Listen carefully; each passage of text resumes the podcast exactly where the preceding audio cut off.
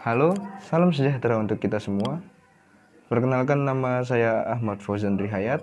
Jadi di sini saya akan memaparkan bagaimana metode dan cara belajar bahasa Inggris yang lebih mudah untuk dilakukan untuk kita semua.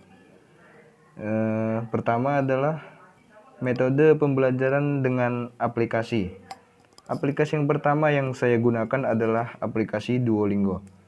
Duolingo adalah aplikasi belajar bahasa gratis yang diciptakan oleh Louis von Ahn dan Severin Hacker.